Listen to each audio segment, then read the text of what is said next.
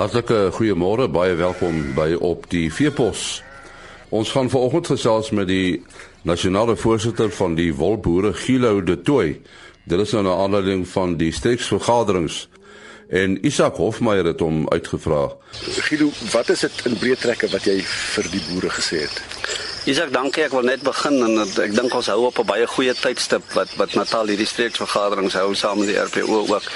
Ehm um, maar om rede ons is deur 'n geweldige droogte en sopas het hierdie goeie reën geval en alles is groen en jy kan die opgewondenheid by die boere hoor en jy kan die opgewondenheid sien en ook in die opkomste van die van die byeenkomste.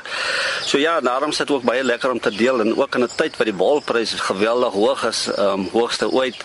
Ehm um, is dit lekker om om met die wolprodusente te praat en ook daai voordeel te benut van 'n goeie wolprys. So ou haal maar eintlik ehm um, 'n bietjie van die van die bedreigings en die goed met 'n mens bietjie oor praat en kyk hoe kan ons die bedryf nog beter maak. En nou die eerste ding terwyl ons oor die waalprys praat wat ek wil noem is sommer oor die veilinggrootte wat produsente in gedagte moet hou. Ehm um, ons sit in 'n omgewing waar omdat die wol so duur is waar dit vir kopers 'n geweldige finansiële uitgawe is om wol te koop op 'n veiling. Ehm um, jy kan self die som gaan maak as daar 10000 bale op 'n veiling is en ons het ehm um, omtrent 7 kopers, maar hoofsaaklik 3 groot kopers en hy eh, wol word opgedeel dan kom jy by 'n aardige bedrag uit wat elke koper moet finansier week vir week. So ons ons moet daarna oplet dat dat ons veilings nie groter as ongeveer 12000 bale is nie per veiling nie want dit gaan daai probleem ondervang. Kan ek jou net gou in die rede val? Net net 'n paar basiese vrae in terme van van die begrip van van wat aangaan op op op die veiling.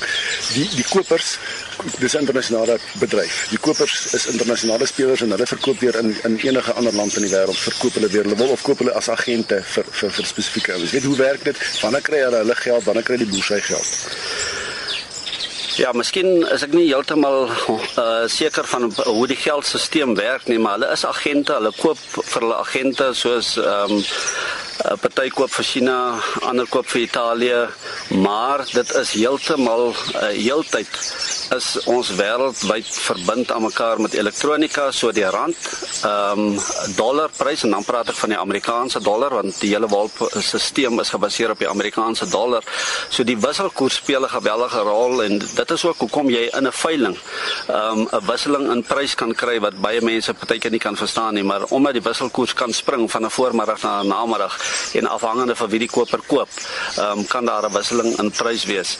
Maar ek dink ehm um, om daarbey aan te sluit. Ek dink hulle kry om vat omtrent 40 dae voordat die koper weer sy geld kry voordat dit verskeep is want wanneer sy wol afgelaai word, ehm um, baie en hy verskeep is dan kry hy sy geld en dan moet jy verstaan in in 40 dae se tyd kan daar vyf veilinge wees. En as ons 'n vinnige som maak van omtrent 92 eh, miljoen rand wat dit per koper kan kos om op 'n veiling uit te gee, is dit 'n redelike finansiële uh ehm um, las of of omset wat wat hy moet hanteer.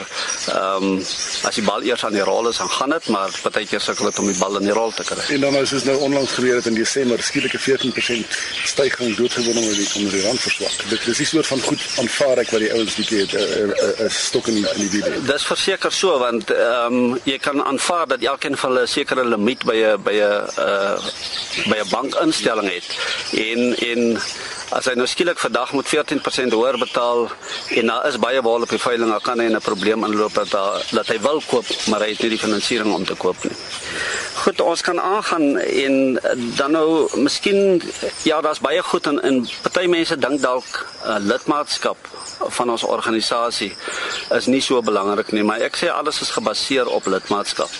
Ehm um, ons het regtig elke wolboer nodig om lid te wees van ons vereniging, want ons sit heeltyd in beding In in die NWKV op die nasionale vlak moet ons beding vir boere rondom predasie, rondom vee diefstal, rondom vee siektes, rondom uh, enstowwe en elke ou in die bedryf trek 'n voordeel daarin.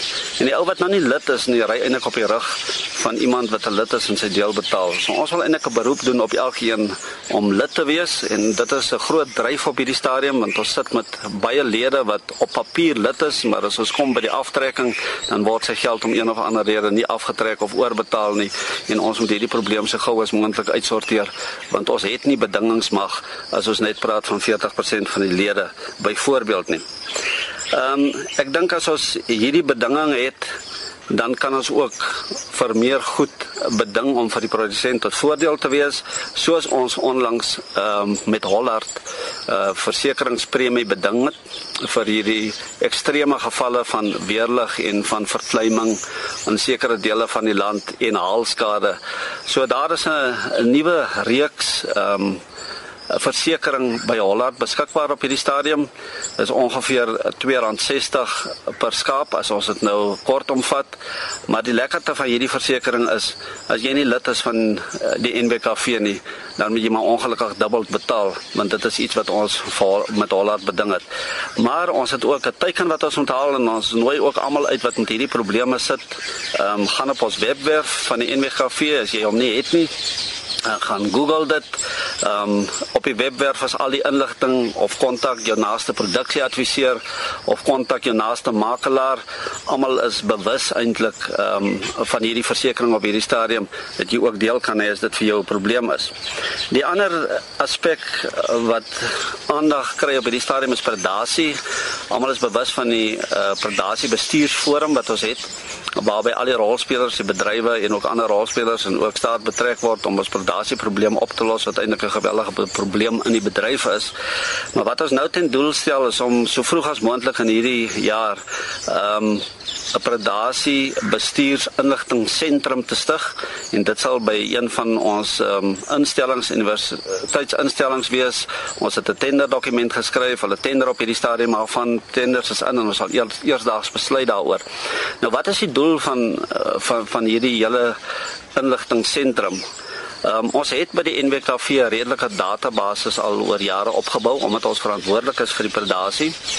Maar dit sal goed wees om dit onafhanklik te hê en miskien op 'n breër basis dit kan verbreed sodat ons hierdie data heeltemal geloofwaardig kan wees en soveel as moontlik data te kan kry om op nuwe besluite te neem vir die toekoms.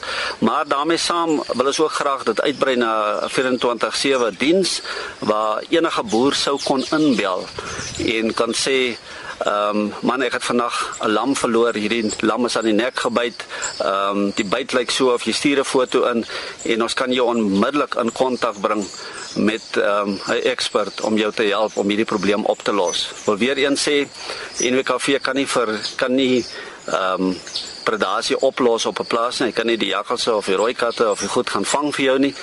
Maar ons skep 'n omgewing waarin jy as boer kan opereer en waarin jy die inligting gaan kry. So die hele sentrum gaan oor genoeg inligting om genoeg kundiges bymekaar te kry om vir jou te help en selfs ook kundiges wat jy op jou eie koste dan kan laat kom om jou met 'n probleem te help in hierdie geval. Ja, met ek miskien bietjie praat oor die enstowwe, ehm um, onderste poort enstowwe. Ehm um, ons het gedurig 'n gesprek met onderste poort. Jy sal weet ons gaan verlede jaar het ons deur 'n moeilike tyd gegaan en die vorige jare met Slengdal met enstowwe uh, en dat ons ook moet kyk dat onderste poort op standaard is. Ons lewer ons insette daar. Daar was 'n probleem. Ek wil my verstout om te sê dit gaan baie beter op hierdie stadium, maar daar is probleme wat nog nie uitgesorteer is nie. Maar ons doen ons bes om met hulle in gesprek te bly. Dit is vir ons baie belangrik dat onderste poort wel in die mark bly want soos jy weet is daar sekere enstowwe wat nie jaarliks geënt word nie. So dit is nie eintlik koste-effektief vir 'n privaat maatskappy om daai enstowwe te maak nie. Daarom is onderste bly onderste poort belangrik om ook aan hierdie enstowwe wat min verkoop en partykeer duur is om te vervaardig, maar nie verkoop nie om dit in die handel te hê. So ons sal gedurig poog om te probeer dat hulle enstowwe um, beskikbaar is op hierdie stadium het ons onsself vergewis dat die standaarde goed is. Hulle moet voldoen aan die SABS merk maar ook aan die internasionale gesondheidsstandaarde wat internasionaal getoets word. En dan moet miskien die boere net attent maak daarop dat ons sit nou met goeie reën. Um, ons sit in 'n seisoen waar dit 'n slengdal en 'n bloutong gevaar is, soos elkeen se bestuurspraktyke is. Ehm um, wees bedag daarop en spyt as jy nog nie geënt het nie.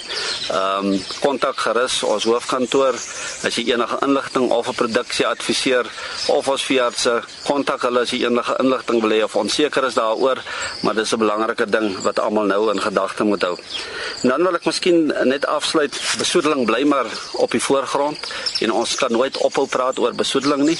Ehm um, jy sal weet dat ehm um, Suid-Afrika produseer maar tussen 2 en 3% van die ehm um, internasionale wol, maar ons produseer wel 16% van die kleedwol in die wêreld.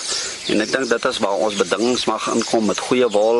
Ons sien dat daar baie kruisras uh, tipes is op hierdie stadium en daar's 'n baie groot be beweging volgens die mikron tipes na kruisras wol. En dit is alles goed wat besoedeling kan meebring. Wees bewus vir kemp Ehm um, ons kyk ook na die polyprop sapkar wat ons nou baie lank oor praat en baaltou wat 'n geweldige probleem veroorsaak.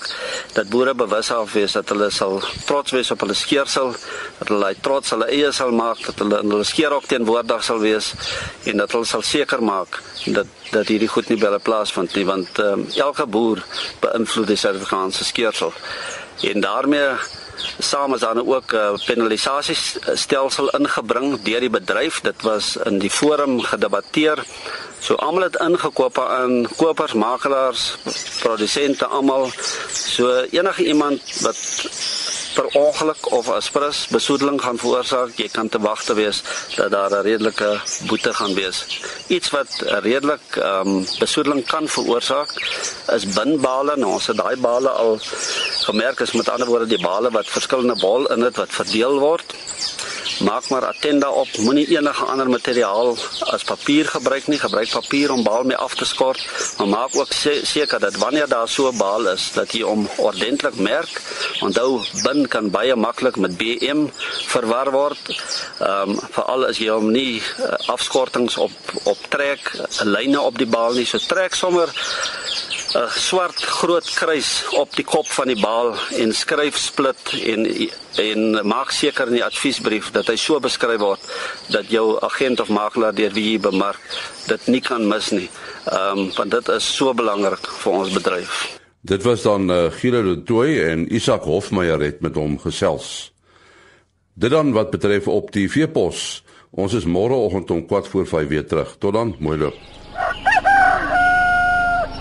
啊。